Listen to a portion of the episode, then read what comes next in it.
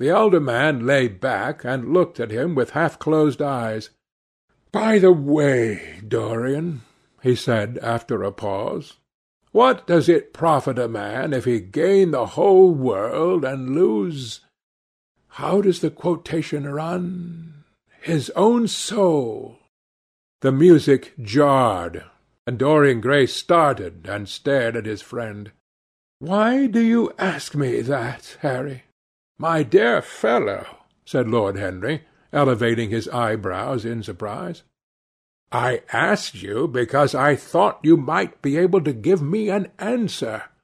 That is all.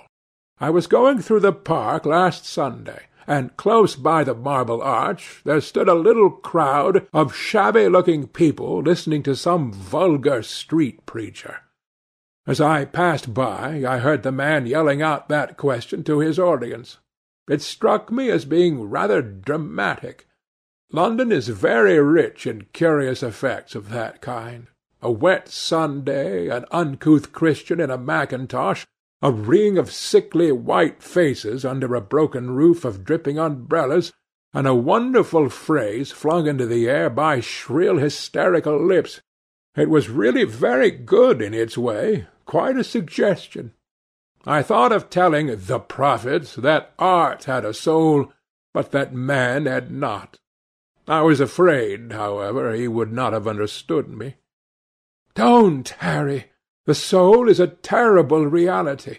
It can be bought and sold and bartered away. It can be poisoned or made perfect. There is a soul in each one of us. I know it. Do you feel quite sure of that, Dorian? Quite sure? Ah, then it must be an illusion. The things one feels absolutely certain about are never true.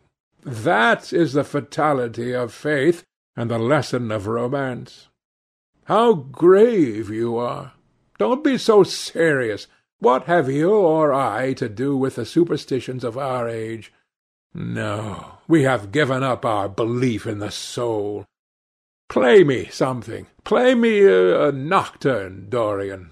And as you play, tell me in a low voice how you have kept your youth. You must have some secret. I am only ten years older than you are, and I am wrinkled and worn and yellow. You are really wonderful, Dorian. You have never looked more charming than you do to-night. You remind me of the day I saw you first. You were rather cheeky, very shy, and absolutely extraordinary. You have changed, of course, but not in appearance. I wish you would tell me your secret. To get back my youth I would do anything in the world, except take exercise, get up early, or be respectable. Youth! There is nothing like it. It's absurd to talk of the ignorance of youth.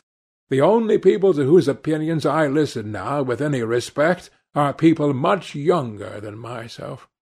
They seem in front of me. Life has revealed to them her latest wonder. As for the aged, I always contradict the aged. I do it on principle. If you ask them their opinion on something that happened yesterday, they solemnly give you the opinions current in 1820, when people wore high stocks, believed in everything, and knew absolutely nothing. How lovely that thing you are playing is! I wonder, did Chopin write it in Majorca? with the sea weeping round the villa, and the salt spray dashing against the panes. It is marvellously romantic. What a blessing it is that there is one art left to us that is not imitative. Don't stop. I want music to-night. It seems to me that you are the young Apollo and I am Marsyas in listening to you. I have sorrows, Dorian, of my own that even you know nothing of.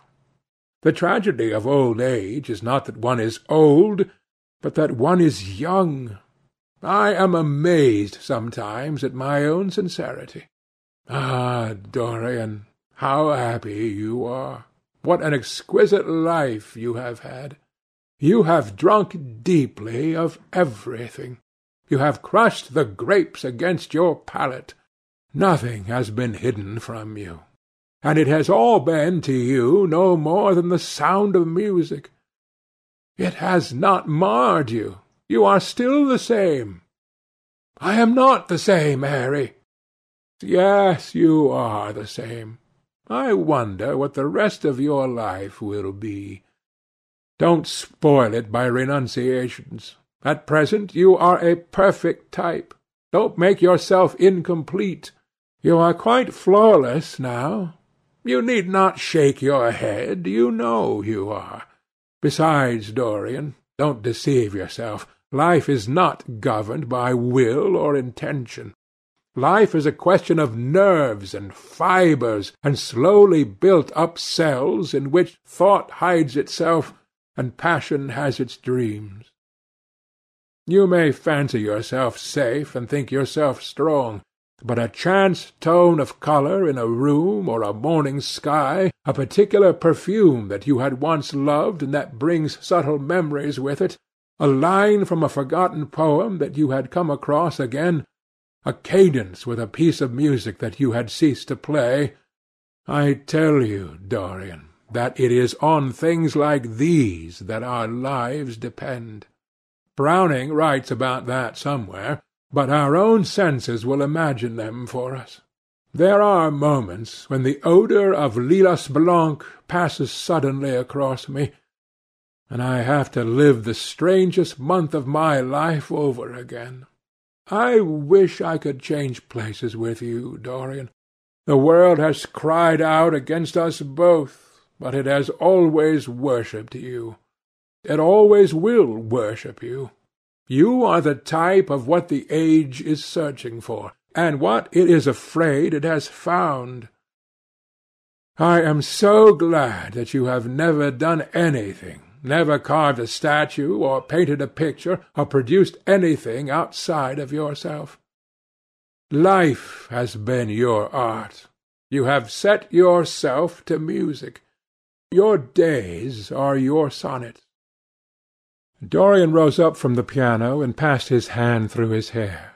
Yes, life has been exquisite, he murmured, but I am not going to have the same life, Harry.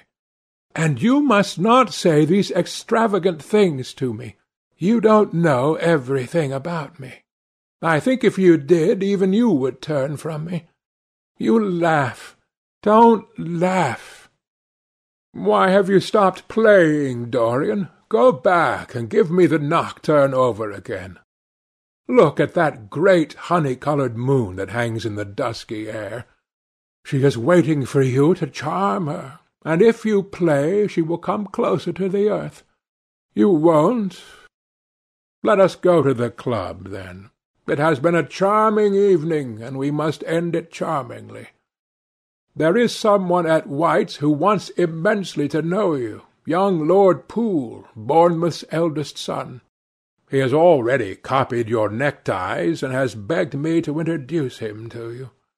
He is quite delightful, and rather reminds me of you. I hope not, said Dorian, with a sad look in his eyes. But I am tired to-night, Harry. I shan't go to the club. It is nearly eleven, and I want to go to bed early. Do stay. You have never played so well as to-night. There is something in your touch that was wonderful. It had more expression than I had ever heard from it before. It is because I am going to be good, he answered, smiling. I am a little changed already. "You cannot change to me, Dorian," said Lord Henry. "You and I will always be friends. Yet you poisoned me with a book once. I should not forgive that, Harry. Promise me that you will never lend that book to any one. It does harm." "My dear boy, you are really beginning to moralize. You will soon be going about like the converted and the revivalist warning people against all the sins of which you have grown tired. You are much too delightful to do that. Besides, it is no use. You and I are what we are, and will be what we will be. As for being poisoned by a book, there is no such thing as that. Art has no influence upon action. It annihilates the desire to act. It is superbly sterile.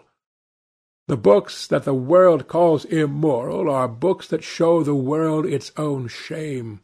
That is all. But we won't discuss literature. Come round to-morrow. I am going to ride at eleven.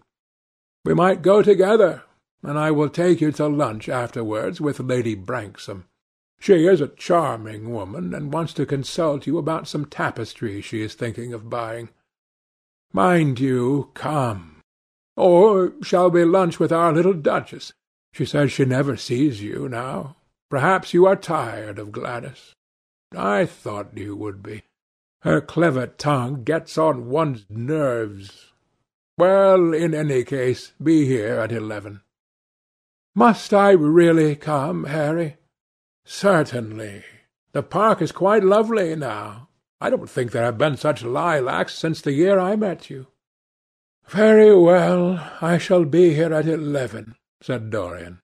Good night, Harry. As he reached the door, he hesitated for a moment, as if he had something more to say. Then he sighed and went out.